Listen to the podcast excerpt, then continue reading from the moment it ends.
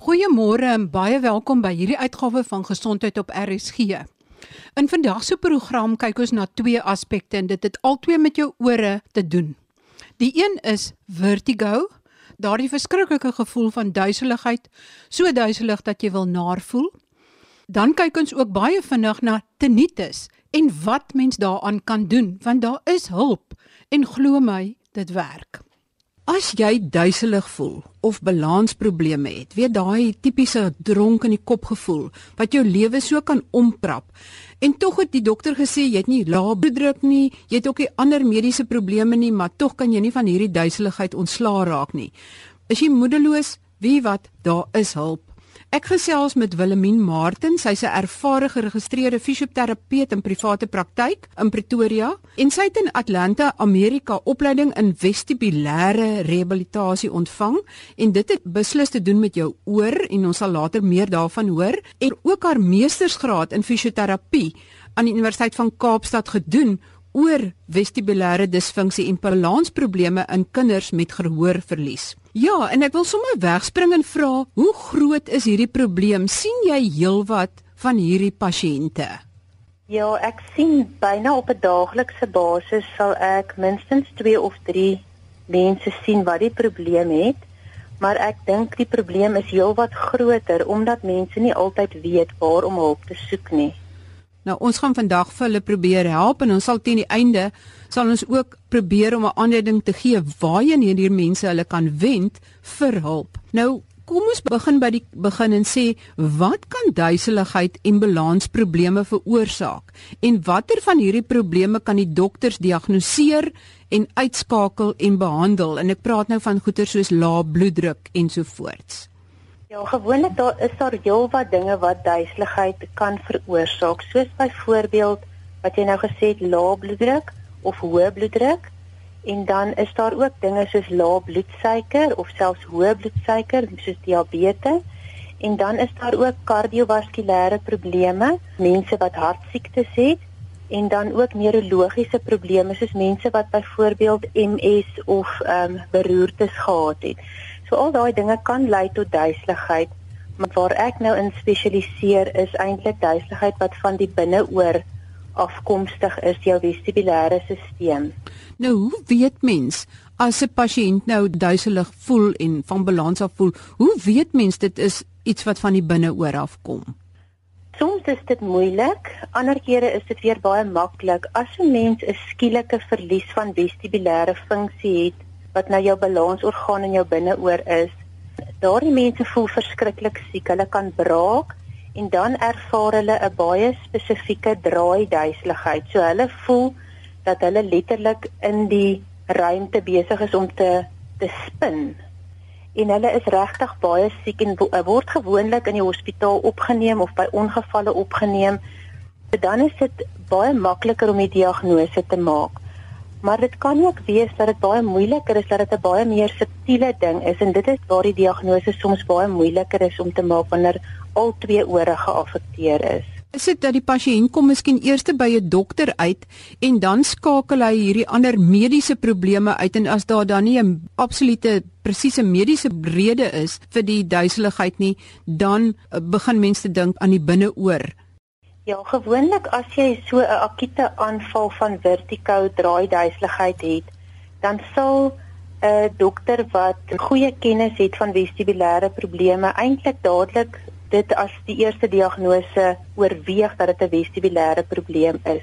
As dit meer 'n kroniese langstaande ding is, dan raak dit baie moeiliker dan nou om te diagnoseer. So dokters skakel gewoonlik die mediese probleme redelik maklik uit, die bloeddruk dinge en so aan maar dit is hierdie vestibulêre dinge wat baie moeilik is om te diagnoseer in sekere gevalle.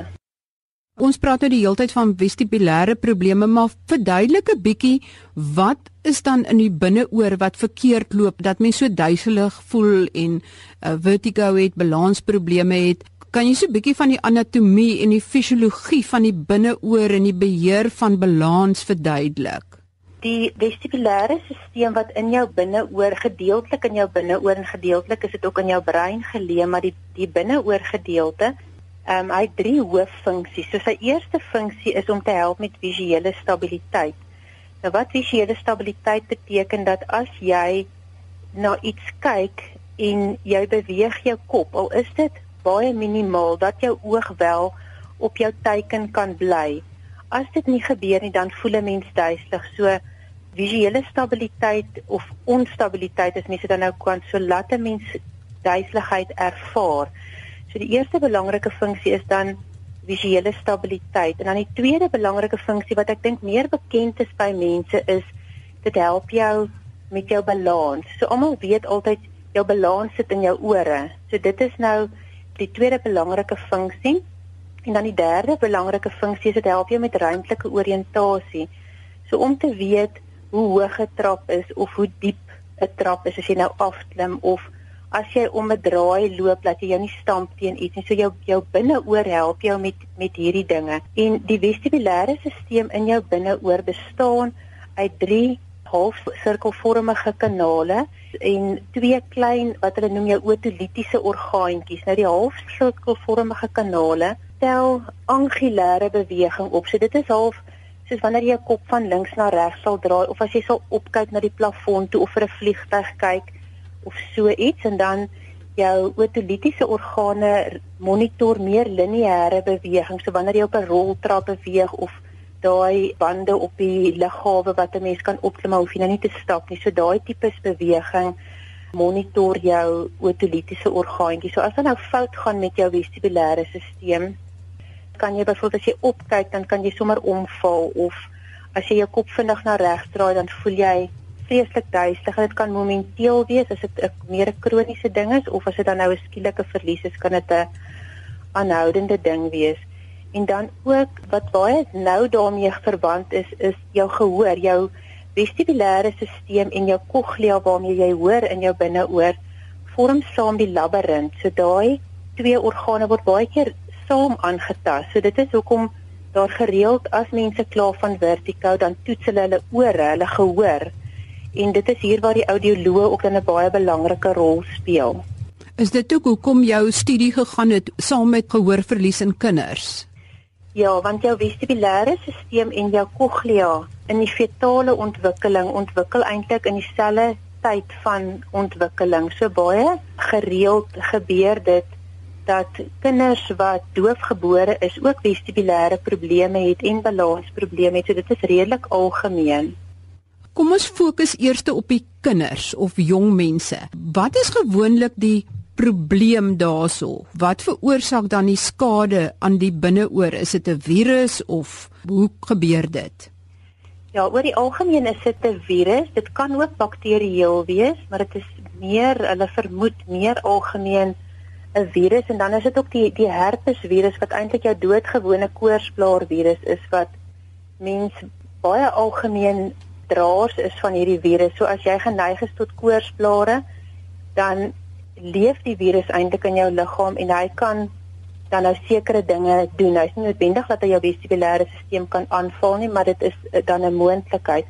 Die algemeenste ding onder jonger mense is gewoonlik dan wat hulle dan nou noem vestibulêre neuritis of dan 'n labyrintitis as jou gehoor dan saam met dit aangetast word.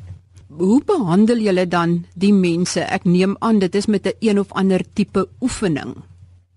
Ja, so as dit nou 'n akute aanval is, as dit nou 'n sien ons praat nou van 'n unilaterale probleem waar mens nou 'n vestibulêre neuritis onderlede, dan sal die gewoonlik die eerste 72 uur van daai toestand voel die persoon baie siek. So hy kan amper nie sy kop oplig nie. Hulle braak en hulle is dronk en hulle is regtig baie duiselig.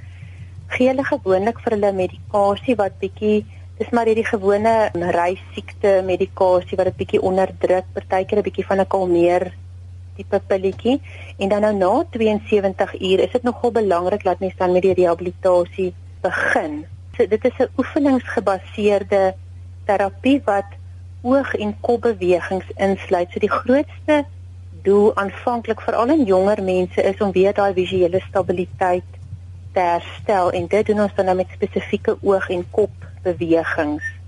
Ek is nou jou pasiënt, ek staan voor jou, wat presies moet ek doen? OK, as jy nou nie doodnaar is nie, dan sal ek nou vir jou byvoorbeeld 'n 'n kaartjie in jou hand gee met 'n letter of 'n syfer of 'n kol op 'n baie definitiewe visuele stimulus wat ek vir jou kan gee, maar 'n een eenvoudige stimulus, so net 'n kol of 'n A of 'n B of so ietsie wat jy dan in jou hand hou en dan hou jy jou oë gefokus op daai A of B en dan beweeg jy jou kop van kant tot kant. Vir sien nou maar 'n tyd van 30 sekondes of hoe lank die pasiënt dit ook kan tolereer want dit kan hulle baie naar maak so mense wil hulle nou nie laat seker voel is wat hulle reeds is nie en um, dan sal mens nou van daar af die oefening progresseer en meer oefeninge doen.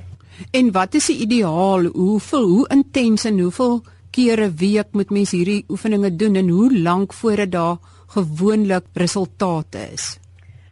Ok, gewoonlik as mens begin met die oefeninge, as dit nou 'n een eenvoudige vestibulêre neuritis is, sal mens die oefeninge 2 tot 3 keer 'n dag moet herhaal en gewoonlik oor 'n tydperk van so 6 tot 8 weke. So mense wat gewoonlik ook die probleem is met hierdie mense omdat die oefening hulle nie laat lekker voel nie, sal hulle partykeer te gou ophou daarmee omdat dit hulle bietjie kan laat naar voel of duiselig voel. So dit is baie belangrik om dit gereeld te doen en dan ook oor 'n tydperk van 6 tot 8 weke. Ek neem aan dat die skade in die binneoor self nie herstel kan word nie, maar hoe werk dit dat die een dan begin beter voel?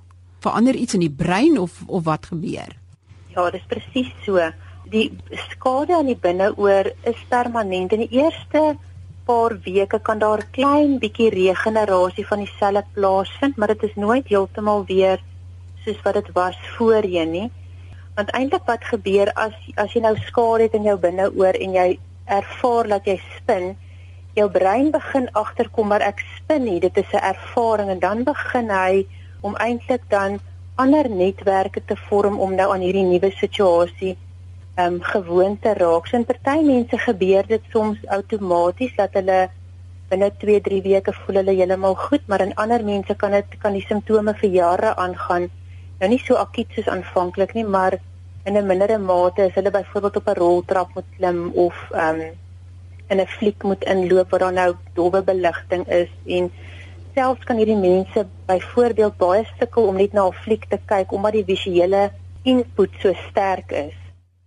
Dit laat my nogal dink dat as iemand op 'n skip is of op 'n bootjie en daai wieg van die water en dat mense dan sê jy moet jou oë op 'n punt op die horison fokus sodat al beweeg jou lyf in die boot dat jy nie so naar moet voel nie. Is dit dieselfde beginsel wat geld? Ja, dis presies dit. As mense wat seestiek raak, het eintlik 'n um, hypersensitiewe vestibulêre stelsel. So die oomblik is as daar 'n bietjie te veel beweging van die liggaam plaasvind en waaroor hulle dan nou nie beheer het nie, dan begin hulle nou sleg voel en dan kry jy ook 'n sindroom wat jy nou juist sê van as jy so tyd op 'n boot was en as jy dan afklim dan voel dit vir jou jy is van balans af en jy wieg en dit is ook 'n vestibulêre probleem dan. Willemien, ons kom aan by ouer mense. Is dit dieselfde tipe oorsake of is dit gewoonlik ander oorsake en waarmee presenteer hulle? Lyk die prentjie verskillend of is dit maar dieselfde? Kyk, die ouer mense kan presies dieselfde ding ook oorkom, soos wat jy nou maar 'n verkoue kry, kan jy vestibulêre neuritis ook kry. En dan wat baie keer gebeur in ouer mense is dat hulle het die skade eintlik lank terug gekry. Maar hulle het so goed aangepas en hulle het nou eintlik al vergeet hulle die probleem gehad, maar soos wat hulle minder aktief raak, kan hulle meer ehm um, weer meer duiselig raak en dan begin val wat nou die 'n groot probleem is in ouer mense omdat die komplikasies van val so ernstig is.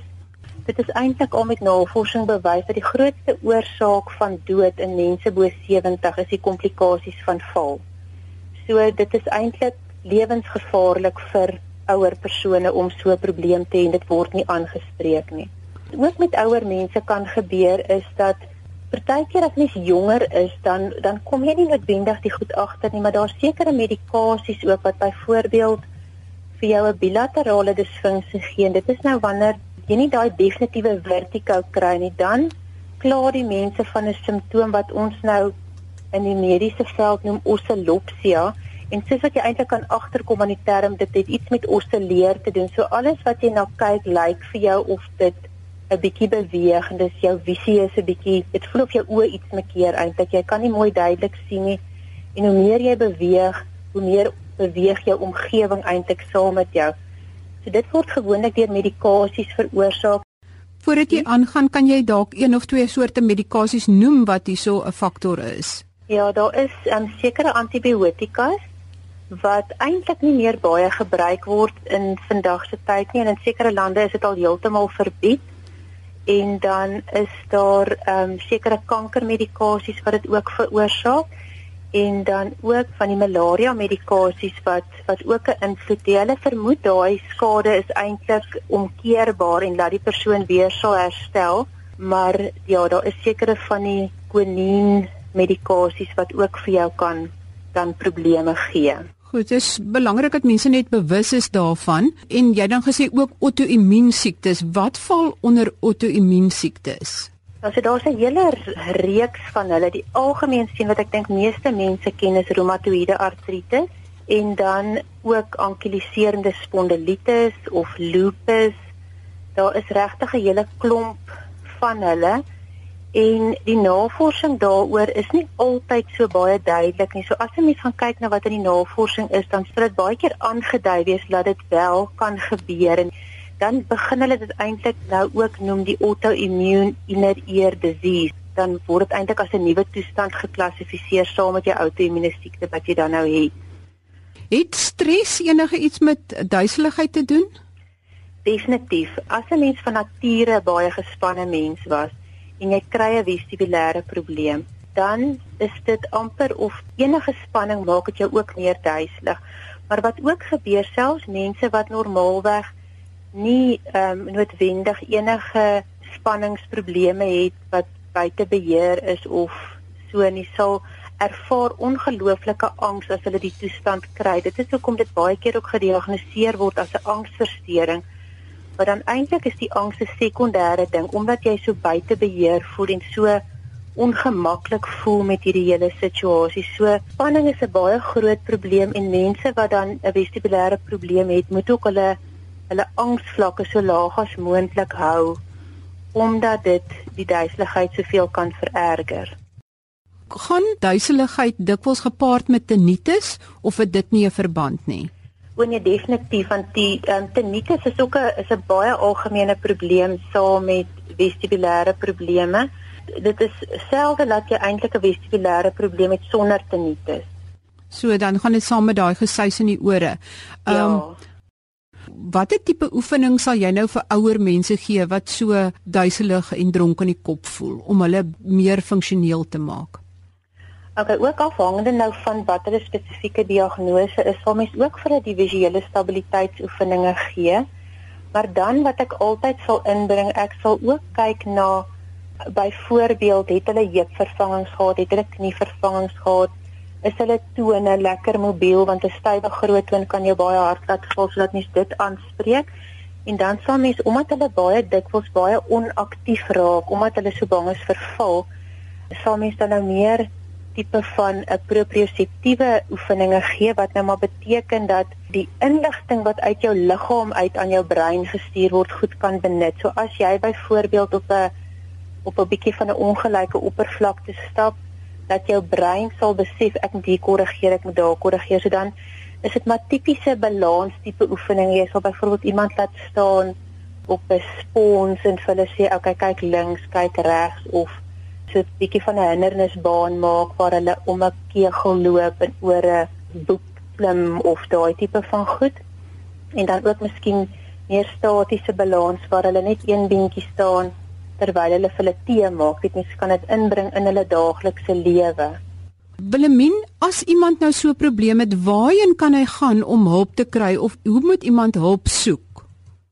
As 'n mens 'n oorneus en keeldokter het wat spesialiseer in vestibulêre probleme, is dit 'n beginpunt of dalk ook 'n audioloog wat spesialiseer in vestibulêre probleme kan dit ook goed wees of dan by 'n fisioterapeut wat dan ook spesifiek daarin opgelei is. Die probleem in Suid-Afrika is dat almal is nie daarin opgelei. Dis nie 'n voorgraadse kwalifikasie nie. So almal wat daarin spesialiseer het dit later gaan doen, so dit die mense is nie so algemeen beskikbaar nie.